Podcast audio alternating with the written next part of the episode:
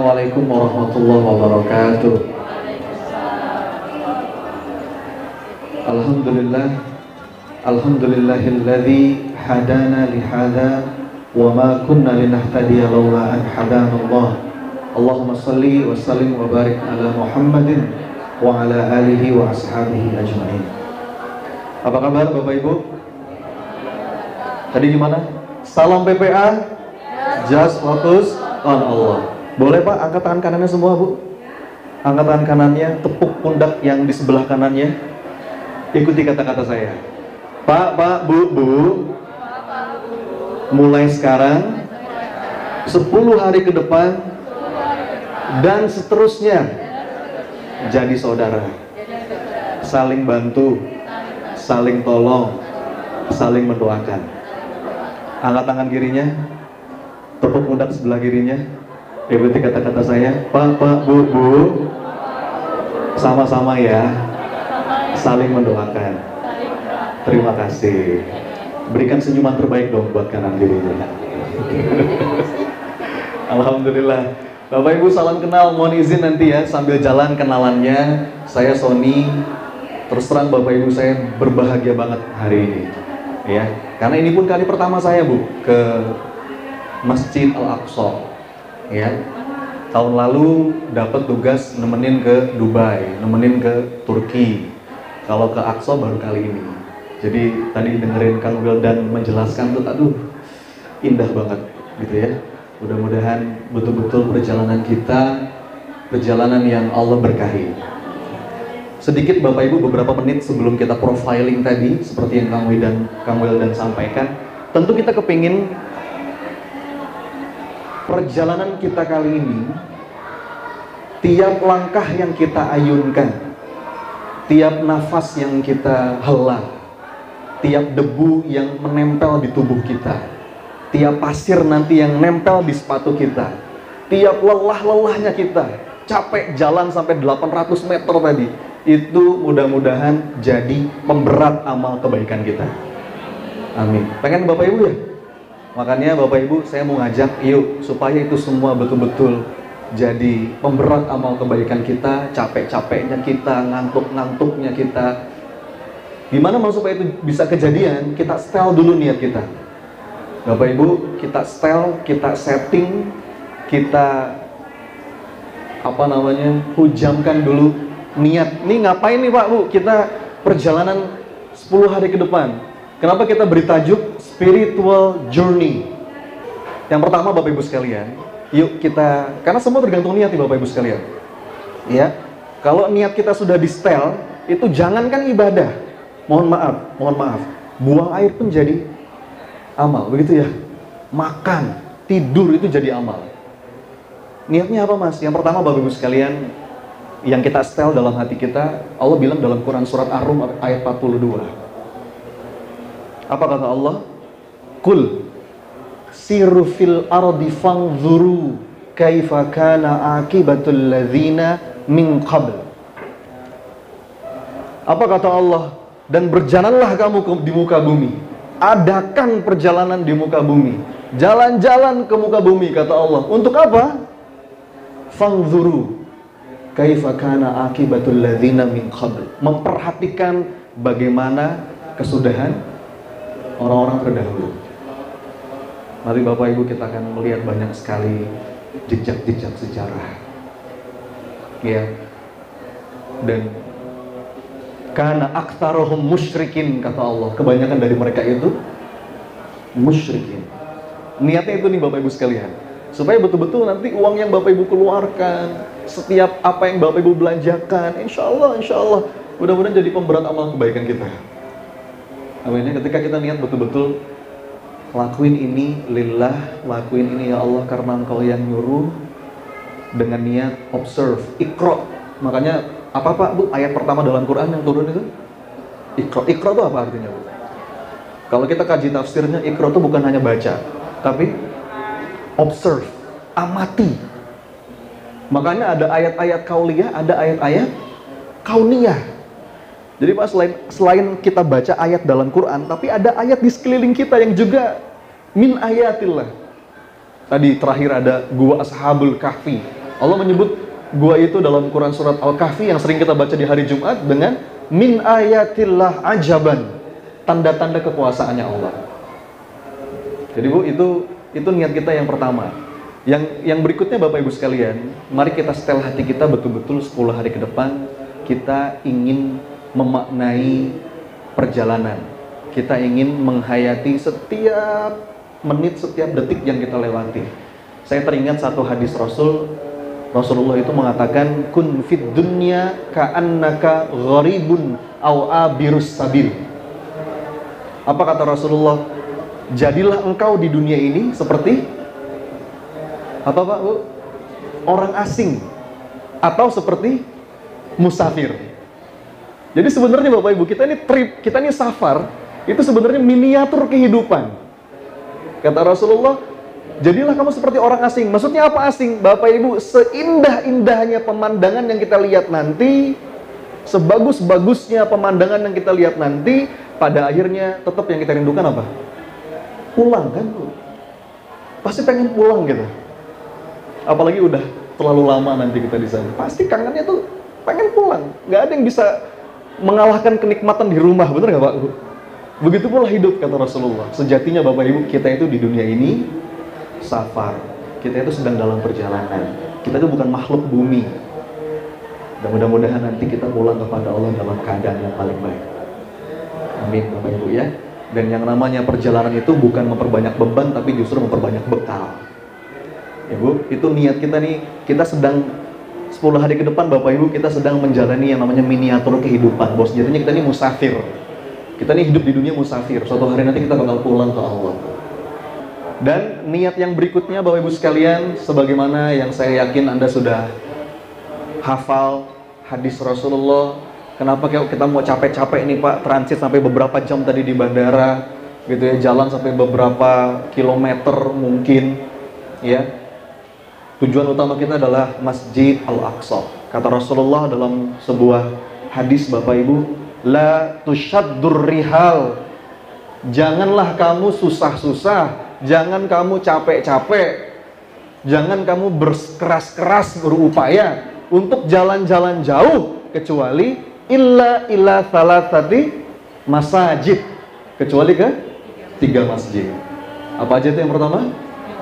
Al-Masjidil Haram. Yang kedua, Al-Masjidil Rasul sallallahu alaihi wasallam. Yang ketiga, Al-Masjidil Aqsa.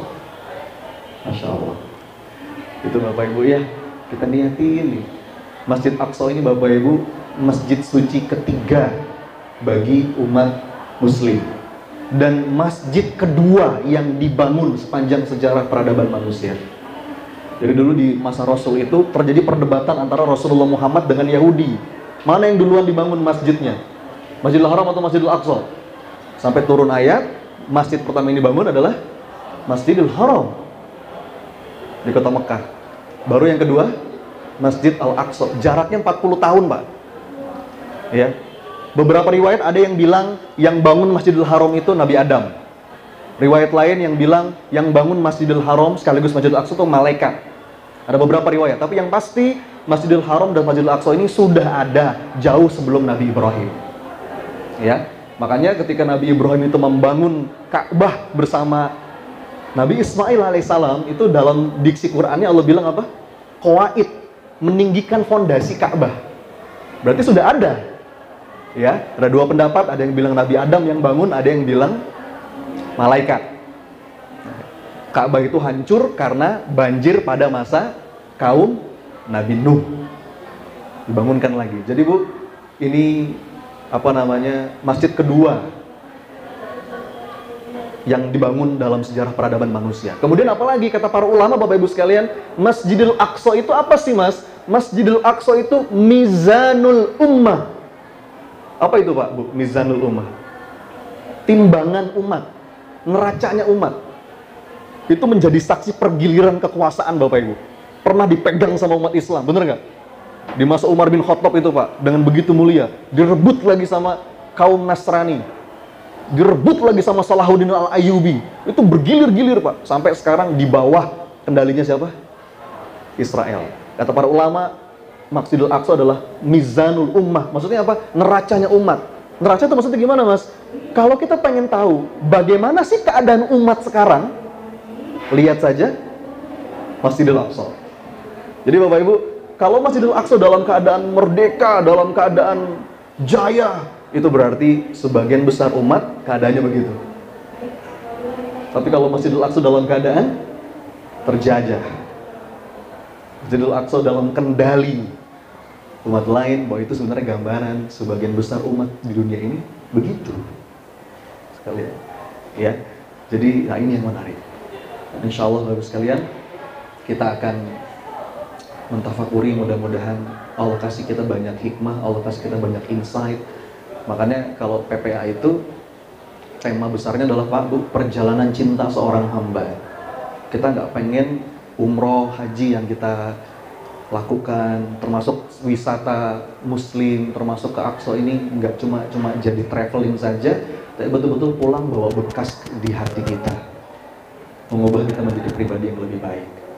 Ya, saya ingin menutup uh, sesi closing ini dengan Quran surat Al-Isra ayat 1 yang ini juga hikmahnya ternyata dalam sekali.